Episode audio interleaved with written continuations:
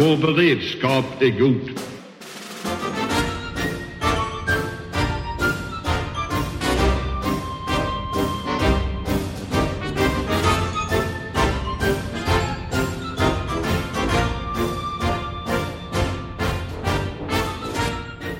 Hej och välkommen till Höjd beredskap, en podd från Aftonbladet Ledare. Och vi sitter just nu i en korridor på Hö Sällens högfältshotell. Och med oss idag har vi Gudrun Persson som är eh, eh, säkerhetspolitisk expert eller Rysslands expert på Totalförsvarets forskningsinstitut. Hej, hallå hallå. Och med mig här har vi Amanda Wåhlstad och Patrik Oksanen. Hej hej. Hej hej. Vi, det pratas ju en hel del om Ryssland eh, här på Folk och Försvar, det gör det alltid. Och då pratas det kanske framförallt om eh, Ryssland som ett militärt hot och militära förmågor och så vidare. Men eh, bland annat du tog upp Ryssland i en vidare bemärkelse i din presentation igår. Det vill säga att eh, försvarspolitiska delarna är i en mening en, ett symptom på ett större problem i rys det ryska samhället. Vill du utveckla de tankarna? Men alltså vad man kan säga generellt om, om det politiska systemet i Ryssland så är ju det eh, ett auktoritärt politiskt system som har byggts upp systematiskt under 20 års tid med starka särintressen hos eh, inte bara president Vladimir Putin utan också försvarsindustrin, eh, energisektorn, hela säkerhetssektorn och det gör att det finns en inneboende instabilitet i systemet, alltså i så mått att det bygger på att det finns en stark ledare, en Putin, som kan balansera alla de här olika särintressena. Det har ju också talats om den ryska korruptionen som ju också är ett, ett bredare bekymmer Eh, Eh, du tog upp detta bland annat. Hur, hur, ser egentligen Ryssland ut som samhälle? Finns det någon fungerande statsapparat i vår mening? Det, det finns en fungerande statsapparat, det ska man ha klart för sig. Eh, när det gäller korruptionen så är den en del av systemet. Den är, som vi brukar säga, endemisk, det vill säga den genomsyrar hela det politiska systemet uppifrån och ända ner. Det här är väl känt i Ryssland och också enligt eh, deras egna beräkningar på kor korruptionens omfattning så har ju siffrorna bara stigit under Vladimir Putins regeringstid. Eh, så att det är, och det, det är välkänt. Eh, paradoxen är i, så, i, i vår, eh, vårt sätt att se det är att ingenting händer. Ingenting görs åt detta därför att det är en sån inbyggd del av systemet. Putin är ju en ganska populär ledare, tidvis mycket populär. Hur kommer det sig att folk fortsätter stödja honom trots att korruptionen blir värre? Först ska man ju ha klart för sig att Putin och hans närmaste medarbetare, som ju har berikat sig väldigt mycket, eh, det är inte hela Ryssland. Och Ryssland är inte bara de här personerna. Det är mycket större än så. Sen att Putin är eh, populär, eh, låt vara att siffrorna har ju gått ner en hel del nu på, på sistone eftersom ekonomin krymper och det inte går så bra längre. Den första tioårsperioden så steg ju, eller fram till 2008 så eh, var ju tillväxten 7% per år. Det var en enorm tillväxt. Mer självförtroende, folk fick det bättre. Eh, och också eh, något som alltid kommer fram är att man tycker att Putin kan representera landet på ett bra sätt. Han är påläst, han är nykter, eh, han för sig väl i alla sammanhang. Ligger det någonting bakom de här teorierna som framförs ibland om att Putins opinionssiffror har en ganska direkt säkerhetspolitisk påverkan? Bland annat så sägs det att hans opinionssiffror gick upp ganska rejält efter att man annekterat Krim. Det var populärt. Eh, det tror jag var genuint populärt i, i, i stora delar eh, i Ryssland. Eh, men den effekten har ju nu helt ebbat ut. Det här som vi hörde 2014, 2015, 2016, Krimnach, alltså Krim är vårt. Eh, det vinner inte så mycket, ger inte så mycket till popularitetssiffrorna längre eftersom hushållens realinkomster de senaste fem åren har sjunkit. Folk har fått det sämre och så illa var det inte ens på det förtalade 90-talet. Finns det någon risk att man på grund av detta blir aggressivare i sin utrikespolitik, sin retorik för att distrahera eller, eller skapa popularitet på annat sätt? Ja, så den dynamik som har gällt sedan 2014, nämligen eh, en ökad inre repression, alltså att man med eh, våld och tvång eh, försöker hindra befolkningen från att uttrycka sin vilja och den yttre aggressionen. Det är en väldigt stark dynamik och den fortsätter att verka och vara en, en pådrivande kraft. Jag tänkte att vi glider in också på, på Rysslands agerande mot omvärlden. Hur, hur tycker du att vi ska förstå det som Ryssland har gjort sedan Georgienkriget fram till idag? Jag tänker Georgienkriget, eh, Krim, kriget i östra Ukraina, Syrien. Eh, man behåller ju också frusna konflikter eh, då som en följd av Georgienkriget, men vi har det även i Moldavien. Ja, men det ska förstås som att eh, Georgienkriget var ju den, den första ögonöppnaren, så att säga, vad som var på gång. Och här är det helt klart att eh, Ryssland egentligen sedan Ryssland i dess nuvarande form tillskapades 1991-92 eh, hade, har haft väldigt högflygande och högt uppsatta mål för sin roll i världen. Vi ska vara en stor makt, vi ska kunna vara med och påverka. Eh, men just då hade man inte så mycket resurser för att sätta kraft bakom orden. Efter 2008 har vi sett en systematisk satsning på eh, inte minst Försvarsmakten, den ryska, de ryska väpnade styrkorna. Eh, eh I diplomatin har man flyttat fram positionerna rejält. Man ligger i så mått tio år före, före väst och det blev extra synligt då 2014 med, med eh, den illegala annekteringen av Krim, eh, krigshandlingarna i östra Ukraina och sen 2015 i Syrien. Eh, och i någon mån kan man nog säga att eh, det har varit framgångsrikt för Ryssland därför att rollen i Rysslands roll i Mellanöstern har ju stärkts. Alltså man har ju goda relationer med Israel, Iran, Egypten, Saudiarabien. Det är få länder som matchar det.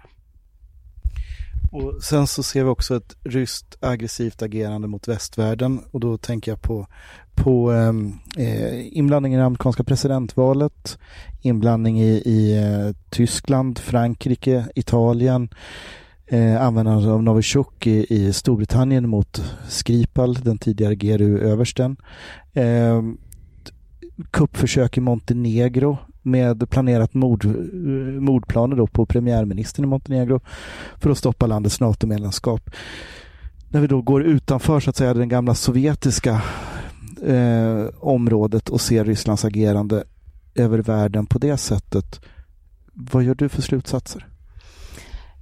Det här är också en del av de uppsatta målen att Ryssland ska ha rätt att ha en egen intressesfär. Det här, allt det här du räknar upp och man kan för övrigt också eh, lägga till hur man använder historieskrivning i, som, som så att säga ett vapen i, i den här kampen. Jag tänker då på när, när eh, den ryska ledningen går ut och försvarar Molotov-Ribbentrop-pakten, eh, försvarar de hemliga tilläggsprotokollen och nu senast ger sig på Polen och, och påstår att de var orsaken till eh, andra världskriget.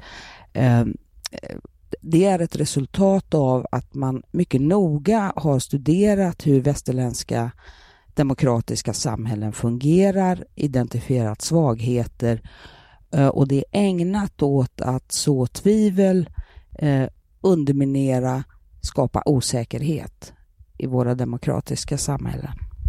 Och så ska vi bråka om, är det på riktigt eller inte? Är det på allvar? Är det farligt? Är det inte farligt? Och så agerar vi inte? Eh, det är en variant. Eh, eller så agerar vi i den anda som det är tänkt att vi ska agera. Det här är ju dubbelheten. Att man dels kan påverka beslut, försöka påverka beslut i den riktning man själv vill. Det vill säga kanske glöm bort Krim. Krim påstår man har alltid varit ryskt, eh, vilket är helt fel. Eh, och så. Eh, eller som du säger, att man försöker lamslå beslutet. Och det, och det första finns ju en term för reflexiv kontroll. Ja. Kan du utveckla den lite grann? Eh, nej men det är ju just ett resultat av den här analysen eh, då man istället för att, så att säga vara direkt inblandad identifierar grupper, så kallade proxies, som agerar eh, för ens egna mål och då gör det svårare att, att upptäcka. Eh, man ska komma ihåg det också att Ryssland har, eller ledningen har under, under eh, många år hållit på att utprova de här olika teknikerna på hemmaplan, alltså i Ryssland, för att bekämpa den inhemska oppositionen, eh, oliktänkande och så vidare. Men i och med 2014 så, så att säga tog man det på en, på en helt annan global eh, nivå. Man är inte framgångsrik i allt man gör. Det ska vi också komma ihåg. Eh, MH17, alltså nedskjutningen av, av det civila eh, flygplanet över, över Donbass, då kom det ju ut hundratals olika versioner från Ryssland på vad som kunde ha hänt i syfte att mörka och så tvivel och underminera. Men det var ju nedskjutningen av MH17 som resulterade i EUs sanktioner. Så där, där eh, misslyckades man. För att återvända till inrikespolitiken. Eh, ibland ser vi demonstrationer eh, gentemot regimen i Moskva. Vi läser också fruktansvärda rapporter om hur oppositionella behandlas av rysk underrättelsetjänst. Men det verkar ju svårt att få ihop en samlad opposition under de här förutsättningarna. Hur ser egentligen demokratikampen i Ryssland ut? Finns det något hopp i närtid? Alltså det finns ju ingen opposition i vår mening, men det finns eh, en, en trötthet och en apati med eh, inte minst hos de unga som, som bara har upplevt Putin. Eh, och det finns en, en, en, eh, en vilja till förändring. Man vill se något annat. Eh, sen ska man säga det också att, att eh, för den politiska ledningen inför framtiden så den största frågan är hur ska man säkra detta politiska system som en del också ryska eh, tänkare kallar för putinismen som har funnits. Hur ska man säkra det för, för framtiden? Och här finns en betydande osäkerhet. Man bollar med olika idéer. Ska man ändra i konstitutionen eh, inför 2024, vilket är det årtal då Putin så enligt konstitutionen inte kan bli omvald för en tredje period. Ehm, eller ska man göra en rokad som man gjorde 2008 så att Dmitrij Medvedev, nu premiärminister, kliver upp och blir president och Putin blir eh, premiärminister. Eh, man bollar med olika eh, scenarier här. Oavsett vad man till slut kommer fram till så kommer det ju så småningom en tid efter Putin och det är väl kanske säkerhetspolitikens nästa stora fråga. Vad händer efter Putin? Ja, det vet vi inte. Eh, det är det korta, korta svaret. Men om man eh, ser till hur systemet är uppbyggt så är det inte alls givet att den som kommer efter Putin Eh, Eh, det är högst osannolikt att den som kommer efter Putin är någon trevlig västerländsk demokrat som bara vänder på klacken, lämnar tillbaks Krim och, och sen ska vi leva i, eh, i fred igen och att väst inte då är, utmålas som, som en fiende. Eh, jag tycker det viktigaste vi kan göra i, eh, i det här läget för, för att så att säga säkra framtiden det är att vi kan vi ska stå med båda fötterna på jorden brukar jag säga och, och, och vara säkra på våra egna värderingar eh, och inte börja tvivla på dem. Vi ska ha god Rysslandskunskap i landet oavsett säkerhetspolitiskt väder och vi ska ha så mycket kontakter och samtal som möjligt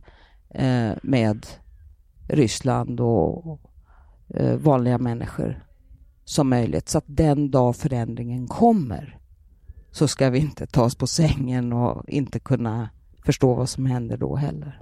Det, det, det finns en, en intressant eh, jämförelse eh, som, som Timothy Snyder gjorde, eh, forskare i, i USA som gjorde och, och, sa att, att förr så gick liksom trenden västerifrån mot öst.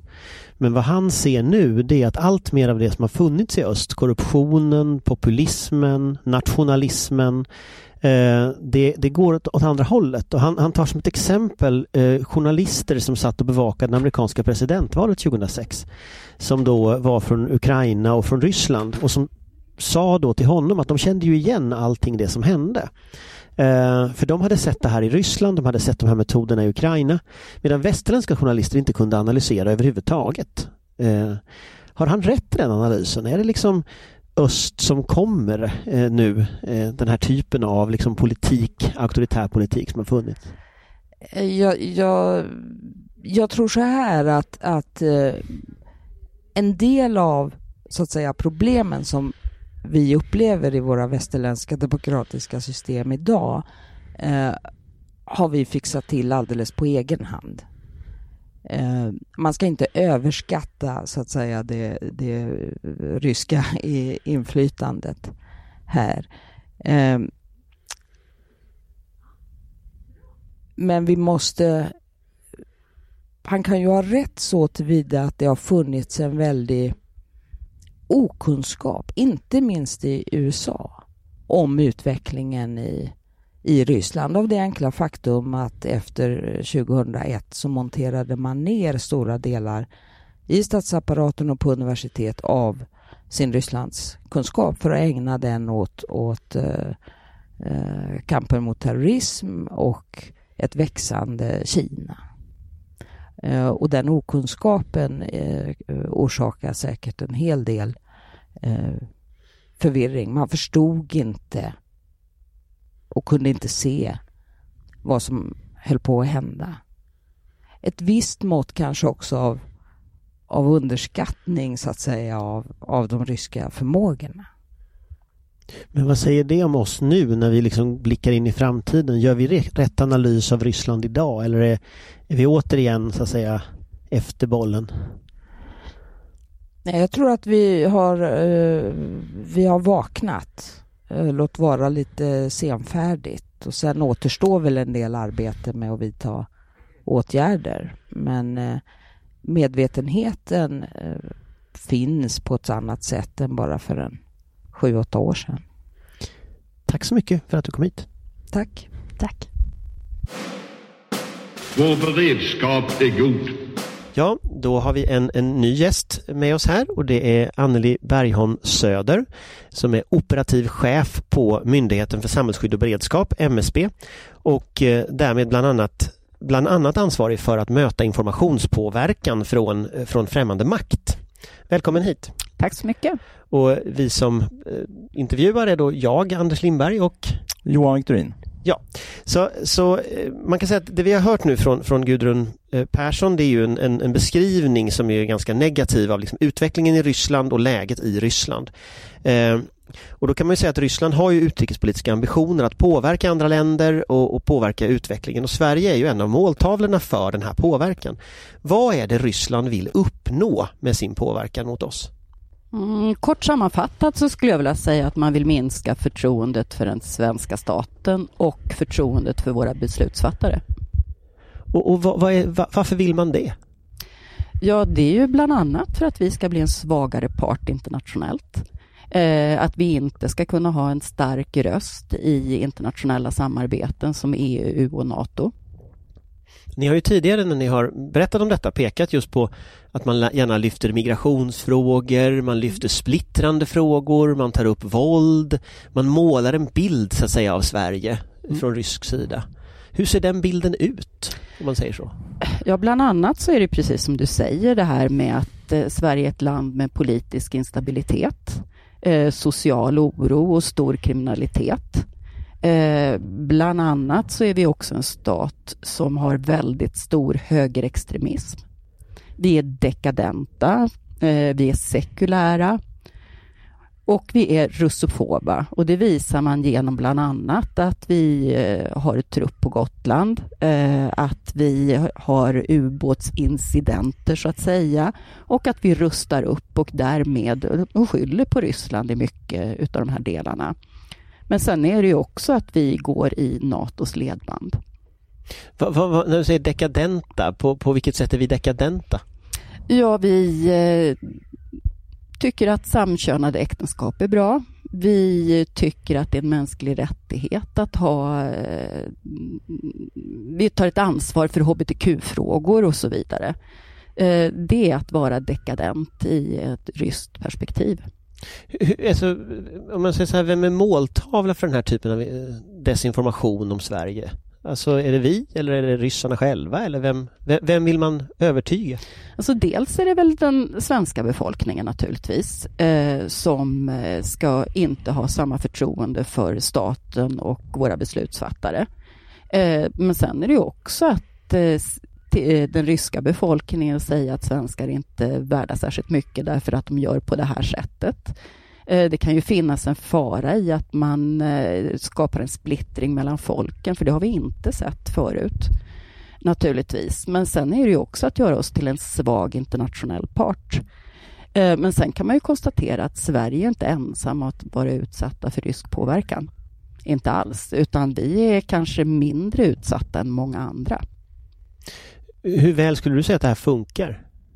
Jag skulle säga att det funkar ganska bra. Eh, dels därför att man använder sig av verkliga händelser som finns i, i Sverige. Alltså har man ganska god koll på hur, eh, vad det är för händelser som är aktuella i Sverige. Eh, och eh, därmed så funkar det väl relativt bra i alla fall. Eh, men jag skulle ändå vilja påpeka att vi är inte de som är värst utsatta. Baltstaterna har ju mycket, mycket större påverkan från Ryssland än vad vi har. Ukraina, de befinner sig väl i någon typ av skärseld jämförelsevis. Ska man se den här eh, påverkan mot baltstaterna då och den påverkan mot Sverige i så att säga ett sammanhang? Att, att, att man vill påverka Sverige för att inte vi ska kunna vara med och stödja baltstaterna i händelse av en konflikt? Alltså jag vet inte om jag skulle dra det så långt. Eh, det, det som jag försökte göra det var att degradera Ukraina är hårt utsatt av rysk påverkan. Baltstaterna är också utsatta men inte i samma utsträckning som Ukraina. Och Sverige är utsatta men ändå inte i samma utsträckning. Deras framgång, har den liksom varierat över tid? När, när kan man säga att det här start, när upptäckte vi det här och, och hur har det rört sig över tiden till idag? I framgångstermer mätt så att säga. Alltså vi började ju uppmärksamma det 2014 i samband med annekteringen utav Krim. Eh, och sen så har vi följt det och vi har sett att de har blivit skickligare. Hur, hur en sak som jag funderar på, hur, hur är de organiserade? Alltså hur, var, varifrån leds det här och så vidare?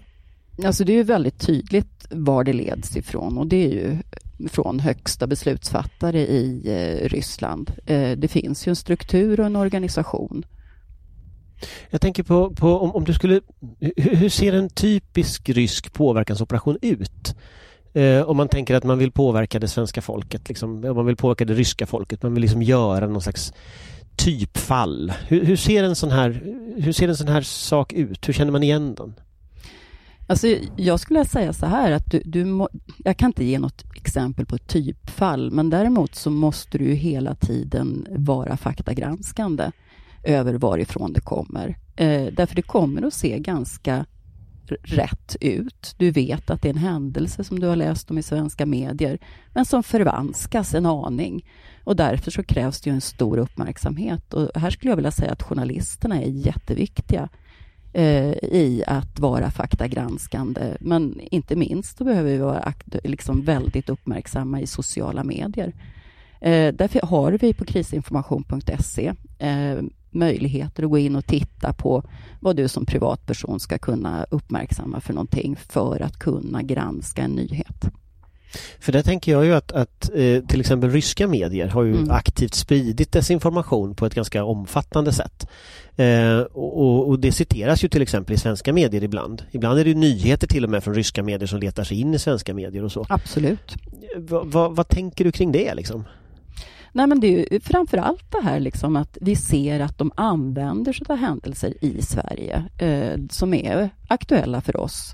Och sen vrider de till dem så att de passar dem. Eh, det finns ju massa olika liksom, sätt att göra det på. Det kanske inte är något typfall man behöver titta på, men att vara uppmärksam på hur man själv skulle kunna skapa eh, nyheter och vrida till det utifrån sitt eget intresse. Det kan ju vara en positiv nyhet där vi tycker att nu är det ett samkönat äktenskap som har fått adoptera eller någonting sånt. Och sen så vrids det till så att det blir en negativ nyhet utifrån de här olika narrativen. Det kan vara en nyhet om eh, hur Sverige övar tillsammans med Nato. Eh, och sen så vrids den till på ett sätt som blir en negativ nyhet eller där vi förlöjligas. Eh, så att vi i slutändan så tappar man förtroende för Sverige. Hur, mycket aktiva är ryska medier i Sverige? Liksom? Alltså hur mycket är de här och, och, och gör den här typen av rapportering? Eller är det någonting man gör liksom från Ryssland hit? Eller hur, hur funkar det? Liksom? Alltså vi följer ryska medier, eh, för det är vårt uppdrag. Vi ska titta på vad, vad, vad främmande stat gör gentemot oss och då följer vi ryska medier. Say hello to a new era of mental health care. Cerebral is here to help you achieve your mental wellness goals with professional therapy and medication management support. 100% online. You'll experience the all new Cerebral Way, an innovative approach to mental wellness designed around you. You'll get a personalized treatment plan from a therapist, prescriber, or both in a safe and judgment free space. Your Cerebral therapist or prescriber will outline a customized plan with clear milestones along the way so you can get to feeling your best. With Cerebral, you're not alone in your mental health journey. We're here to empower you to live a fulfilling life. So take that first step towards a brighter future and sign up today at cerebral.com slash podcast and use code ACAST to get 15% off your first month. Offer only valid on monthly plans. Other exclusions may apply. Offer ends July 31st, 2024. See site for details. Ja, gäller det även också då om ryska medier skulle vara så att säga filialer någon annanstans? Om det skulle vara ett annat nordiskt land men rikta sig mot Sverige? Nej, men alltså, vi följer ryska medier, det gör Mm. vi. Och sen vill inte vi gå in exakt på hur vi gör och vilka metoder vi använder för att upptäcka det här.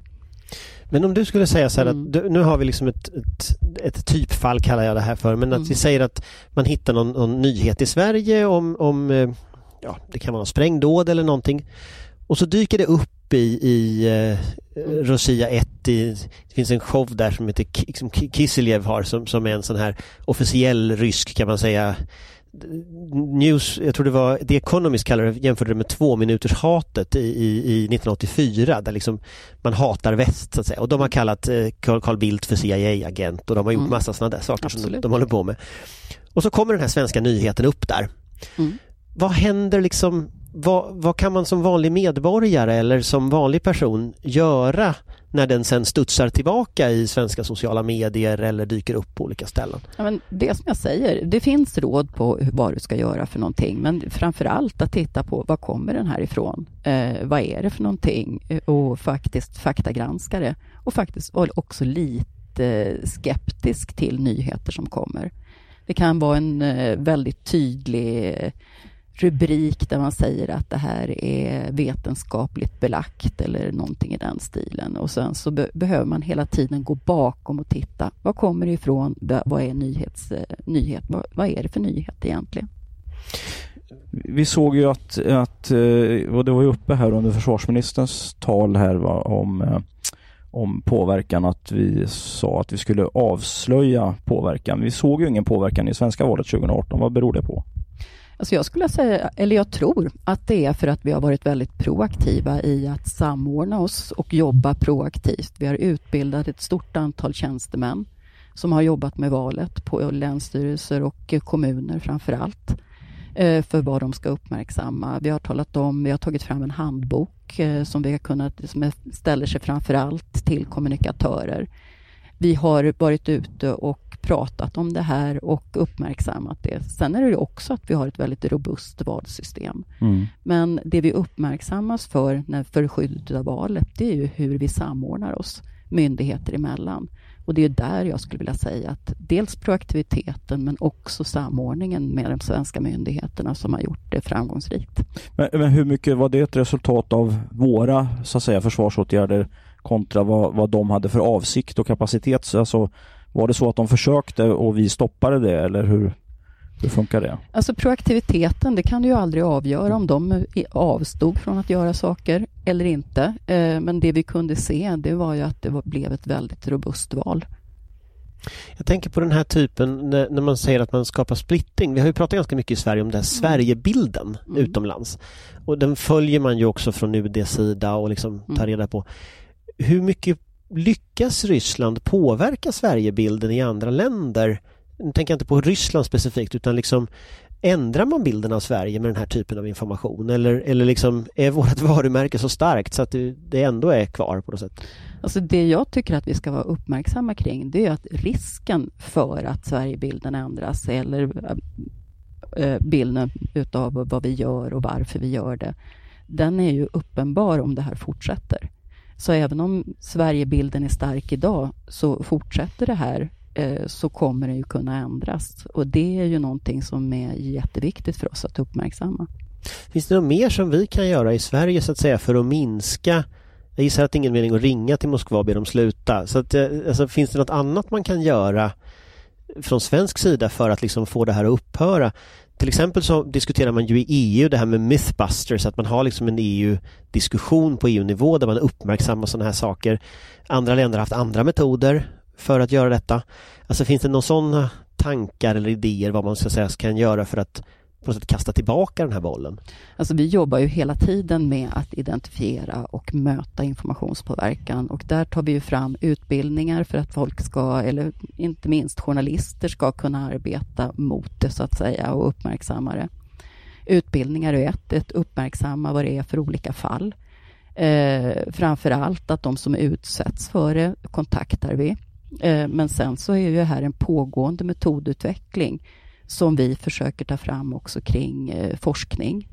Eh, vi behöver titta på vilka sårbarheter vi har och faktiskt också angripa oss eh, liksom just kring, eh, stärka oss kring eh, sårbarheterna. Eh, så att det är både att titta på deras metoder men också på våra egna sårbarheter och stärka upp oss där. Du nämnde här förut att Ukraina var väldigt eh, mycket utsatt och så. Om, om eh, Ryssland då skulle sätta in samma intensitet mot Sverige och skruva upp trycket, eh, har vi kapacitet att klara av det så att säga idag? Alltså arbetet att möta informationspåverkan från främmande makt, det, är ju fortfarande i sin uppstart. Eh, jag skulle säga att genom att samordna oss och jobba tillsammans och att faktiskt vara proaktiva så kan vi göra en hel del.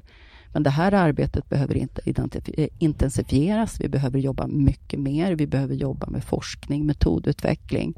Så att eh, det här är fortfarande i sin linda och det här är någonting som vi måste jobba intensivt med i framtiden också. Jag tänker på, på eh, det, det kan, kanske inte du kan svara på, men, men, men det pågår en diskussion nu om att man ska bilda en myndighet för psykologiskt försvar som ju skulle i någon mening, det det är lite oklart vad det ska bli för det finns, utredningen är inte färdig än. Men, men det kan ju bli så i framtiden att det blir en myndighet för, för psykologiskt Mm. försvar eh, och att det här blir liksom en tydligare uppgift på något sätt.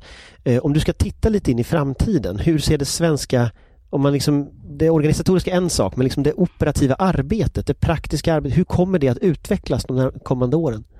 Alltså jag tycker framför allt att det är viktigt att det utvecklas. Eh, men det här är inte någonting som en myndighet kan göra, eh, utan det här är någonting som vi myndigheter måste göra tillsammans. Eh, det handlar också om en nationell lägesbild, därför att även om informationspåverkan är ett hot, naturligtvis, där vi behöver identifiera vilka svagheter vi har, så kan det ju det här förstärkas också med fysiska aktiviteter. Man kan spränga en mast, man kan ge sig på våra IT-system och så vidare. Och då gäller det ju att ha helhetsbilden och att identifiera samtliga sårbarheter.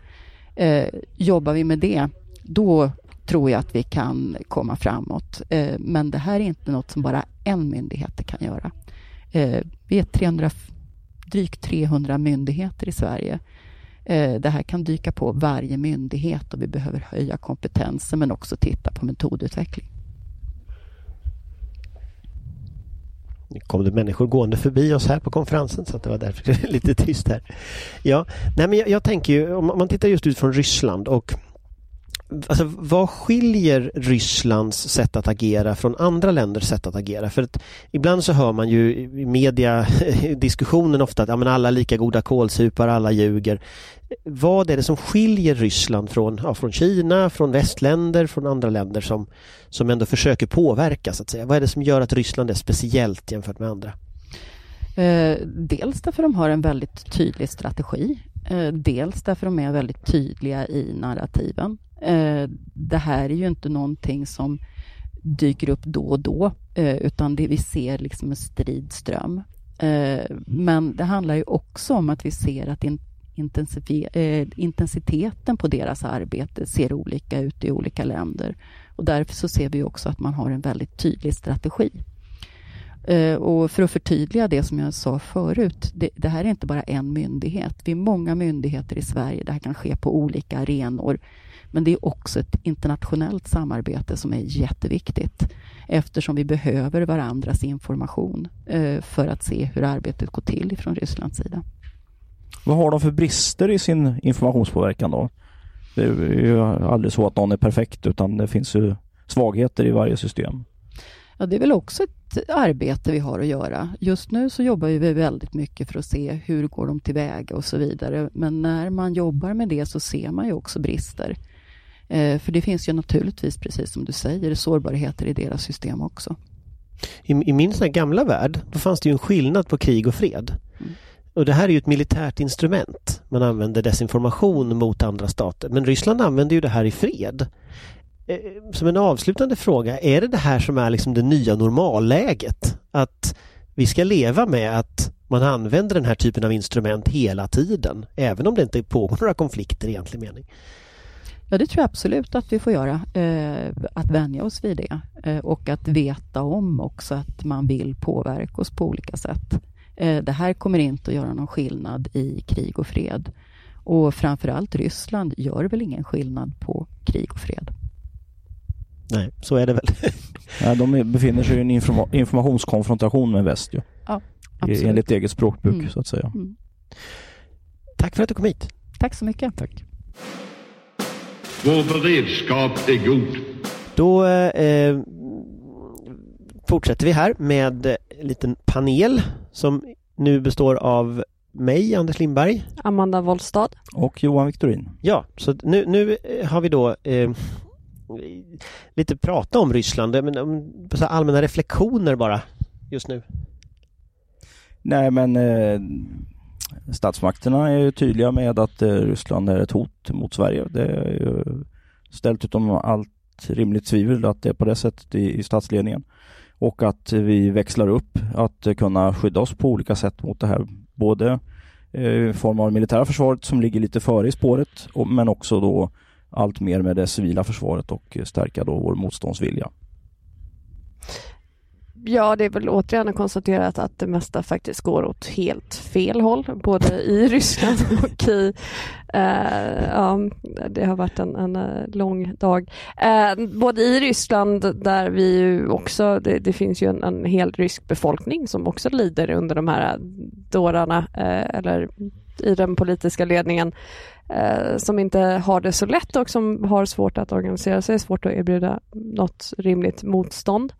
Eh, och det är en allt aggressivare politik gentemot eh, krafter och länder som Ryssland av någon anledning inte tycker att de tycker om, däribland Sverige. Jag tycker det var en intressant grej som, som Anneli Bergholm Söder, som att med henne här eh, nyss, det, det, det, är just det här med att det här är ett, en, en typ av normalläge som där Ryssland använder aktiva åtgärder mot oss eh, i fred. Det där tycker jag man kan reflektera lite över, alltså hur man hamnar i en sån här situation egentligen.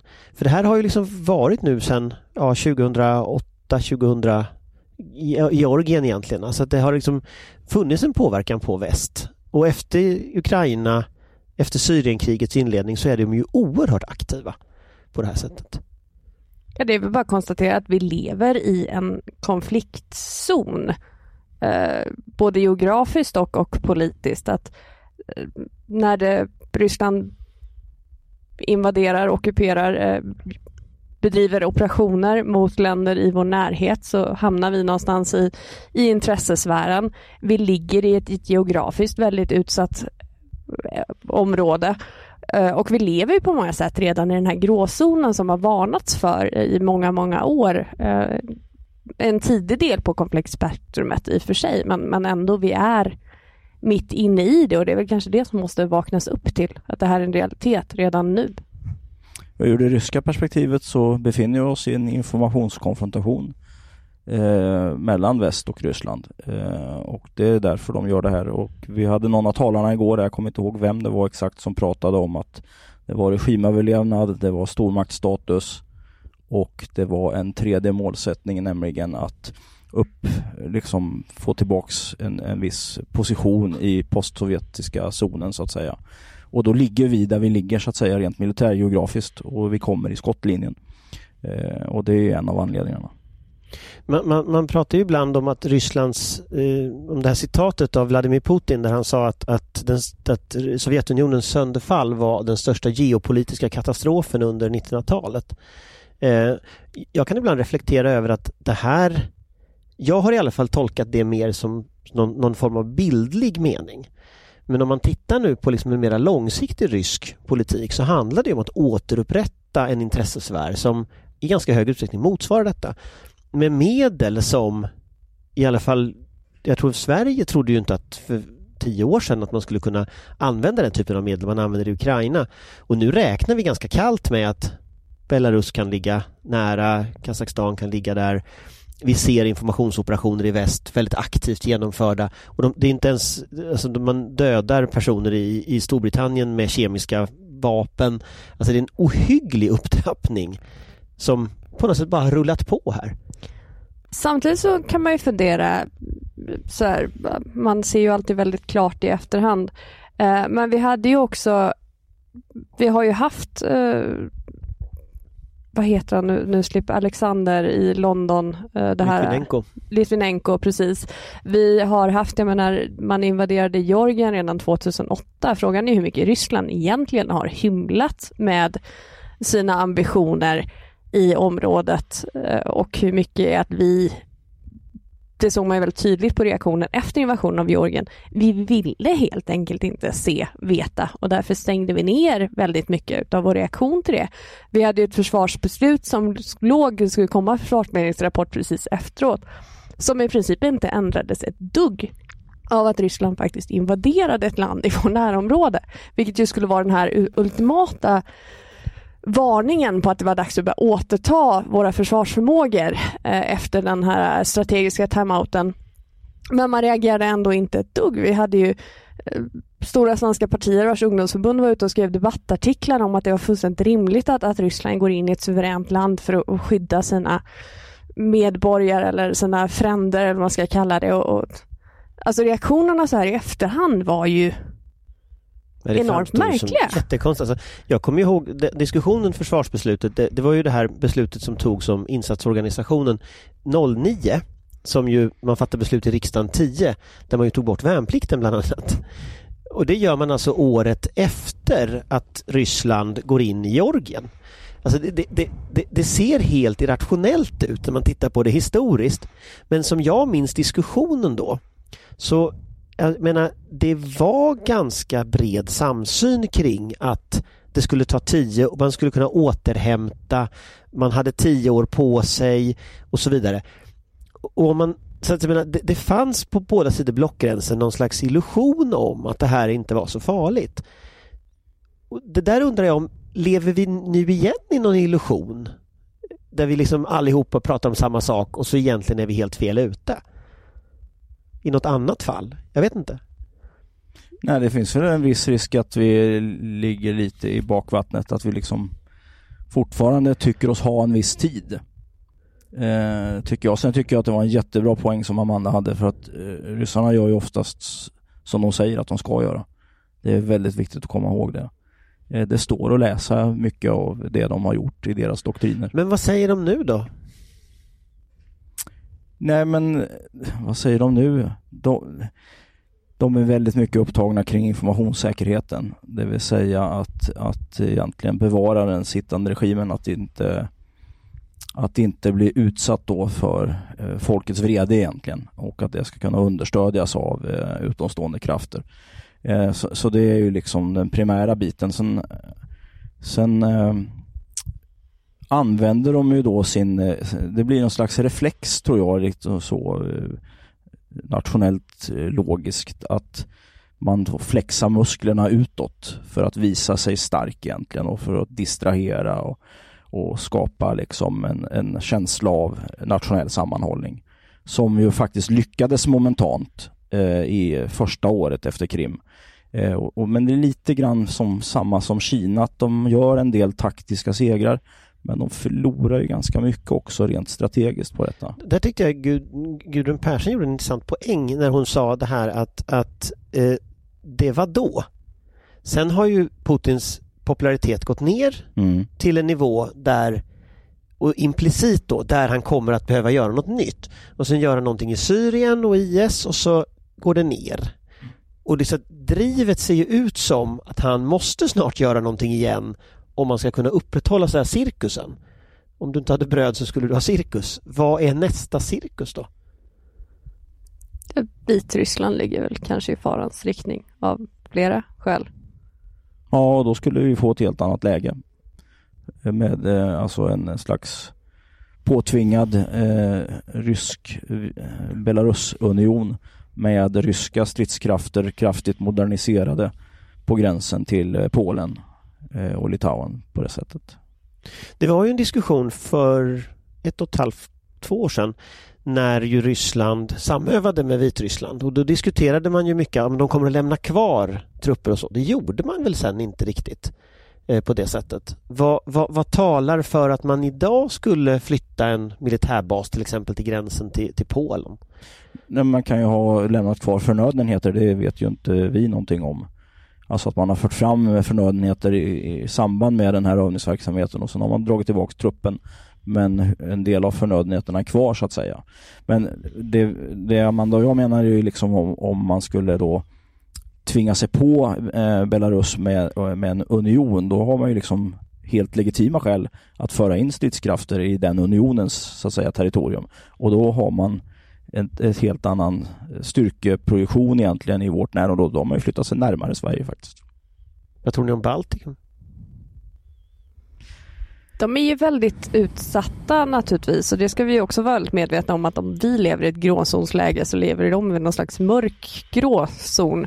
Det pågår ju ständiga informationsoperationer och cyberoperationer och en del tar sig in i svenska medier men långt ifrån allt. Eh, man har väl också väldigt stor påverkan. Det har vi fått rapporter om att det finns eh, möten med ryska oppositionella som finns i de här delarna eh, i Baltikum så kommer det då eh, ryskspråkiga personer som i princip skäller ut dem, som markerar att man har koll på dem, som pratar om deras eh, föräldrar och anhöriga som är kvar i Ryssland. Så där har man ju ett väldigt flyktingspionage inte minst. Men jag har väl kanske svårt att se att det skulle vara den, den eh, de är ändå NATO-medlemmar. Frågan är om man vill ta konflikten så pass långt. Ja, det har ju dessutom franska och brittiska bataljoner stationerade på plats. Så jag menar NATO finns ju i de baltiska staterna med trupp för att vara en slags så att säga politisk eh, snubbeltråd egentligen och, eh, och, och på den verken också då motverka eh, ryska interventioner mot, mot de staterna. Om man tar det som, som Annika Bergholm Söder pratar om, informationskonflikter, så har vi ju sett att Finland har ju varit väldigt utsatta. Vi har det här fallet med Jessica Aro som ju har varit en, en, en journalist på finska YLE som ju väldigt, väldigt trakasserad. Det är också ett rättsfall som har pågått kring de som har trakasserat henne. Men där avsändaren för de här trakasserierna är från, det är ryska troll kan man säga, som, som ger sig på enskilda journalister. Eh, om vi rullar fram den svenska situationen ett par år Tror ni att vi kommer att se mer av det som vi har sett i Baltikum och i Finland även här? Det tror jag på något sätt vi redan har sett förtrupperna, inte minst i samband med eh, invasionen av Ukraina så började ju komma upp en massa planscher om, om Donbassföreningen, inte minst i Malmö, som var någon slags ohelig allians mellan vänsterextrem ungdom och eh, ryska exilryssar eh, finansierade då med ryska pengar som, som har någon slags organisation och fortfarande, eh, det var bara någon vecka sedan jag senast hittade klistermärken uppsatta runt om på lyktstolpar i Malmö som stöd om basföreningen och motarbeta nazistjuntan i Kiev och sådana här saker. Så att det finns nog en, en struktur på plats redan, även om vi inte alls har sett lika mycket av den ännu. Nej, så om vi tittar på andra maktmedel så har vi de ekonomiska maktmedlen. Eh, bland annat med Finland också, man bygger kärnkraftverk och, och de här bitarna. Eh, Anders Åslund hade ju på sin genomgång igår eh, om korruptionen och eh, pengaflödena ut ur Ryssland deponerade till stor del i både USA och Storbritannien. Och det här är också någonting som fräter på demokratiska samhällen att man kan, alltså vi, man äger aktier, fastigheter och så att säga, köper sig en plats, fotbollslag och, och alla möjliga saker. Vi har ju också sett i ganska stor utsträckning eh, runt om i resten av världen, det skulle inte förvåna mig att vi har samma problematik i, i Sverige, att man eh, med ganska stora pengar stödjer olika politiska intressen, inte minst eh, i den skotska frihetsomröstningen häromåret så fanns det ju väldigt mycket ryska pengar involverat i kampanjerna. Eh, och det är väl också ett, ett maktmedel som man kanske inte alltid, för det är klart att de pengarna kommer ju inte, det är ju inte som allt är ju inte som, som Front National där man mycket tydligt lånar pengar från ryska intressen utan det mesta kommer väl slussat från ett, från ett annat håll så att det inte ska bli fullt lika uppenbart vad det är. Och det är ju nog svårt för många att tacka nej. Sen har du ju, kan man ju byta ifrån också som Finland gjorde i fallet med Ariston Helmi eh, och de här uppköpta fastigheterna i Åbo skärgård där man då gjorde en räd eh, från centralkriminalpolisen tror jag det heter i Finland, jag är inte helt säker på det men jag tror det. Eh, och ingrepp då mot penningtvätt, skattebedrägerier och misslyckandet av betalandet av arbetsgivaravgifter tror jag något sånt där. Men den operationen var ju då briefad för den finländske presidenten vilket ju klart talar för att det fanns då säkerhetspolitiska intressen i detta att motverka. Borde, tycker ni Sverige borde göra mer för att liksom motverka den här, det här arbetet som Ryssland gör? Eh, Absolut, det är det, enda, det är det enda de respekterar. Det är min uppfattning i alla fall. Så vad kan man göra?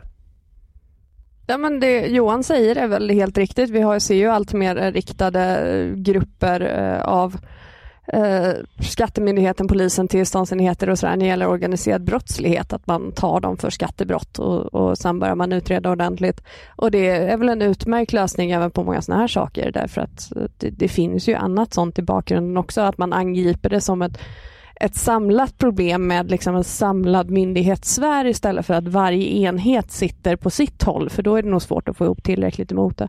Och sen också att ett mycket tydligare medvetandegörande, återigen. Eh, ta fram kanske tydligare exempel, eh, samköra myndighetsuppgifter och framförallt saminformera myndigheterna så att man vet hur situationen ser ut. Vi har ju en tendens i Sverige att vara så otroligt formella och korrekta och myndigheterna jobbar i sina stuprör och det finns naturligtvis en poäng med det. Men risken är ju då att man missar den större biten, att någonting som kanske är formellt korrekt i en ände kan ha en väldigt negativ påverkan i en annan. Där kan man ju säga att man fick ju, jag tyckte man fick bilden i, igår på scenen av att Ryssland är en form av organiserad brottslighet. Det är liksom, man, man, man exporterar korruption, man exporterar eh, brevlådeföretag och det blir en del av den ryska konflikthanteringen mot andra länder. Alltså korruptionen i sig blir ett vapen för att undergräva andra länder. Och, och, och, där kan man ju fundera på hur medvetet det här är och hur mycket de bara vill tjäna pengar. Men man får ju nästan intryck av att det är liksom en avsikt. Man vill destabilisera våra ekonomiska system och sådär. Och bankväsendet har ju jätte eh, i Baltikum till exempel är ju naturligtvis i en riskzon och det är ju svenska banker som är där. Och, och, och, det betyder mycket för de baltiska staterna att de svenska bankerna är där. Det betyder naturligtvis mycket för de svenska bankerna men det betyder också mycket för de baltiska staterna för annars blir alternativet ryska banker. Men det är väl kanske också eh, samma slutsats som man kan dra på informationskrigsarenan att det är inte alltid någon gigantisk konspiration bakom. Det är inte alltid Ryssland eller främmande makt som placerar nyheterna. Men de har infrastrukturen på plats. Så när någonting väl händer så kan de dra nytta av det. Och det är väl kanske samma sak med ekonomisk brottslighet. Om man nu man behöver någonstans att tvätta sina pengar och de nordiska bankerna var ett lämpligt alternativ men om man nu ändå har infiltrerat dem och det här börjar läcka då kan man ju också slå på stora trumman och nyttja detta som nyhet och, och visa hur, hur dysfunktionellt systemet är och att alla minsann lika goda kålsupare. Mm. Jag brukar kalla det för en informationsmina som man har grävt ner i backen så att säga och sen när det är avslöjat då är den penningtvättsvägen liksom, den är avbruten men det skvätter på den banken som man har använt sig av så att säga. Mm. Ja, jag vet inte, är det någonting mer som vi känner att vi vill säga om detta? Nej, jag får väl avsluta på en positiv not tycker jag att det känns ju som att vi, vi, vi, nej men alltså i den meningen att, att vårt system verkligen har tagit det här på allvar och eh, vi är väldigt sena i startblocken men nu är vi på väg upp. Alltså en sån reflektion jag gör det är ju vi slåss ju faktiskt på hemmaplan. Mm. De slåss på bortaplan. Och det är klart att vi kan vårt system bättre än vad de kan. Även om de är bra på att liksom utnyttja våra svagheter.